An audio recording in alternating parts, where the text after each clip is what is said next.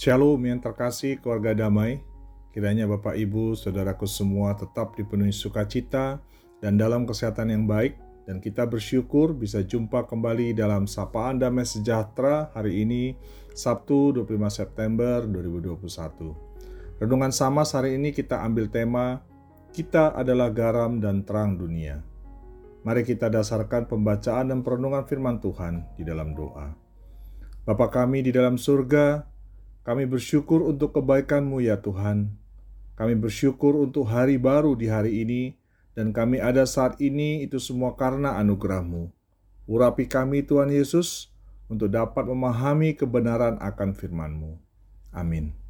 Sobat keluarga damai yang terkasih, bacaan samas kita hari ini diambil dari Injil Matius pasal 5 ayat 13 sampai 20.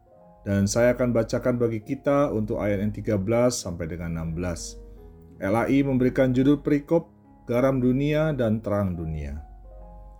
Kamu adalah garam dunia. Jika garam itu menjadi tawar, dengan apakah ia dihasilkan? Tidak ada lagi gunanya selain dibuang dan diinjak orang. Kamu adalah terang dunia. Kota yang terletak di atas gunung tidak mungkin tersembunyi lagi pula orang tidak menyalakan pelita lalu meletakkannya di bawah gantang, melainkan di atas kaki Dian, sehingga menerangi semua orang di dalam rumah itu. Demikianlah hendaknya terangmu bercahaya di depan orang, supaya mereka melihat perbuatanmu yang baik dan memuliakan Bapamu yang di sorga. Posisi Matius 5 ayat 13-16 cukup menarik untuk diperhatikan.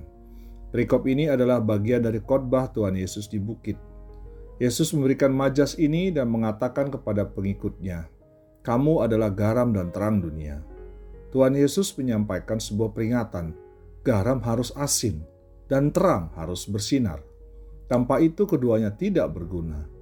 Peringatan ini disampaikan sesudah Tuhan Yesus berbicara tentang penganiayaan di ayat sebelumnya di ayat 10 sampai 12.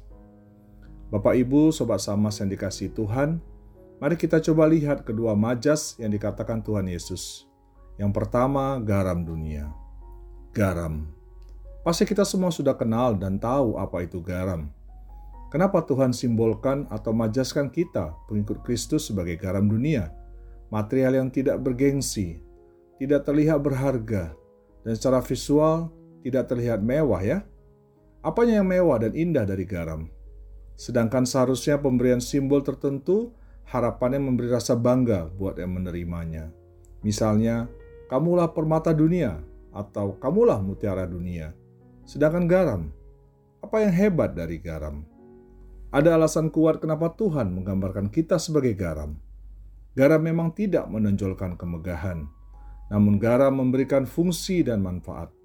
Tuhan mengendaki diri kita untuk tidak hebat, tidak apa-apa, tidak punya keberadaan, tidak berpunya, tidak apa-apa tidak punya prestise juga tidak apa-apa. Yang penting engkau mempunyai dan bisa berdampak. Bagaimana sifat dan fungsi garam? Orang-orang Yahudi dahulu, juga kita-kita pada masa kini umumnya menggunakan garam untuk dua keperluan utama, mengawetkan dan memberi rasa pada makanan. Dalam ilmu kesehatan, bahkan dalam ilmu kesehatan zaman modern saat ini, manusia sangat membutuhkan garam Orang yang masuk rumah sakit pasti awalnya dikasih infus air garam.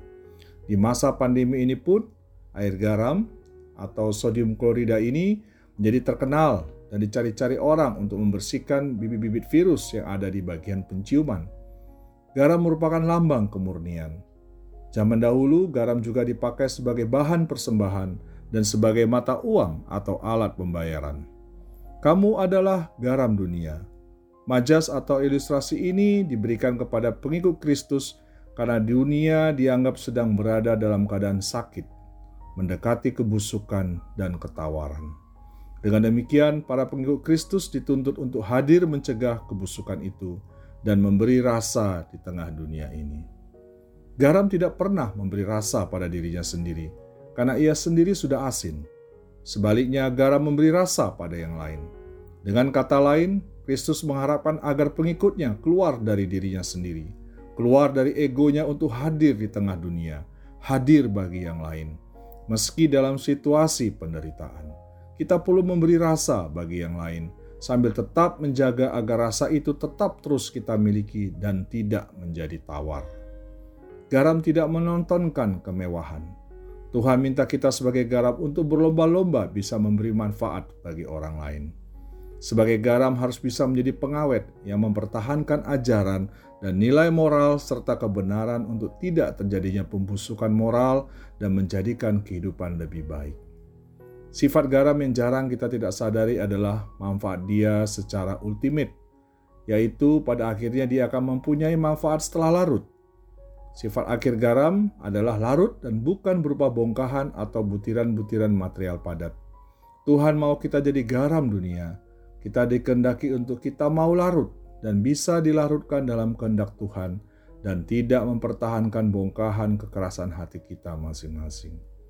Bapak Ibu, kita adalah garam dunia yang bisa larut bagi orang lain, di mana Tuhan mengendaki kita memberi rasa sedap, bisa jadi berkat buat orang lain. Bapak Ibu keluarga damai yang dikasih Tuhan, majas yang kedua, terang dunia.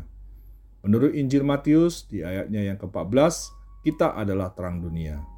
Kita diibaratkan sebagai sebuah kota yang ada di atas gunung yang tidak mungkin tersembunyi. Kota ini dipenuhi oleh pelita di malam hari, dengan posisi seperti ini, tidak mungkin kota tersebut tidak terlihat oleh yang lain. Terang tidak dapat ditutupi. Terang tidak menghindari kegelapan, tetapi sebaliknya terang itu bersinar dan menembus dalam kegelapan. Sebagai terang dunia, kita terpanggil untuk memainkan peranan di tengah kegelapan dunia. Para pengikut Kristus harus menembus kegelapan dalam kehidupan yang gelap di dunia ini. Hanya kebodohan yang membuat kota itu atau kita sebagai terang dunia tidak terlihat, yaitu apabila orang menyalakan pelita tetapi lantas menutupi pelita itu dengan gantang. Dituliskan di ayat yang ke-15. Gantang ini adalah sejenis tempayan. Jika ini yang terjadi, maka rumah di atas gunung itu akan tetap dalam keadaan gelap. Jika tiap rumah seperti ini, kota yang berada di puncak bukit pun tidak akan terlihat. Terang yang dipantulkan dari terang sejati, yaitu terang Tuhan Yesus, itu tidak akan terlihat jika itu diperuntukkan hanya untuk diri sendiri saja. Sama seperti garam yang menjadi tawar, hal yang sama akan terjadi dengan pelita yang tertutup gantang. Hidup orang Kristen pun tidak akan bermakna jika hanya terbatas untuk dirinya sendiri. Sebaliknya, pelita ini harus diletakkan di atas kaki Dian, di atas kaki-kaki tempat pelita, untuk dapat menerangi sekitarnya. Saudaraku, sahabat Samas, semua terang ditempatkan di atas, tidak ada terang di bawah dari atas supaya bisa menerangi sekitarnya. Kita punya identitas sebagai terang dunia untuk ditempatkan di atas kaki Dian, bukan di bawah gantang. Kita sebagai terang dunia punya tempat di atas. Posisi kita berharga di mata Tuhan. Identitas kita ditempatkan Tuhan di atas. Oleh karena itu, mari kita jaga identitas kita ini. Dan bagaimana menjaga identitas kita? Arti yang paling inti dari terang ini adalah pikiran yang berkualitas dan benar.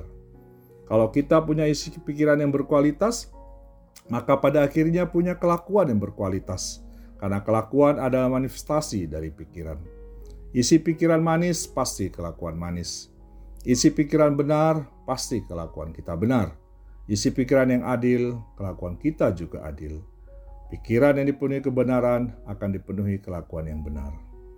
Karena kita adalah terang dunia dan karena cahaya dimasukkan untuk menerangi, kita harus membiarkan cahaya kita bersinar, agar orang-orang yang melihatnya dapat memuliakan Allah. Cahaya hidup kita harus dibiarkan bersinar melalui perbuatan-perbuatan baik yang kita lakukan.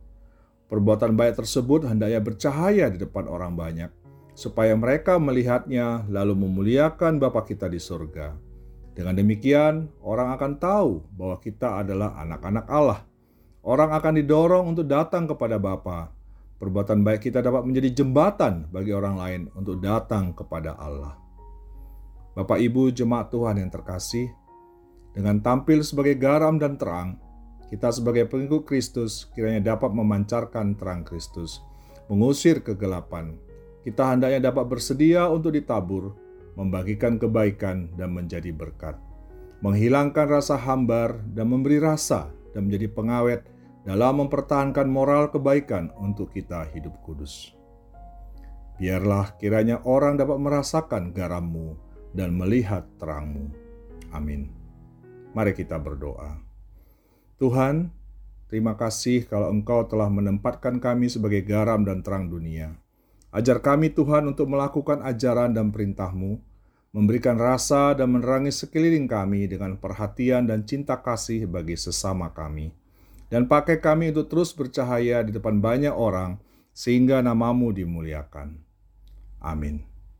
Sahabat Samas, selamat menjalani kehidupan kita sebagai garam dan terang dunia. Tuhan Yesus mengasihi dan memberkati kita.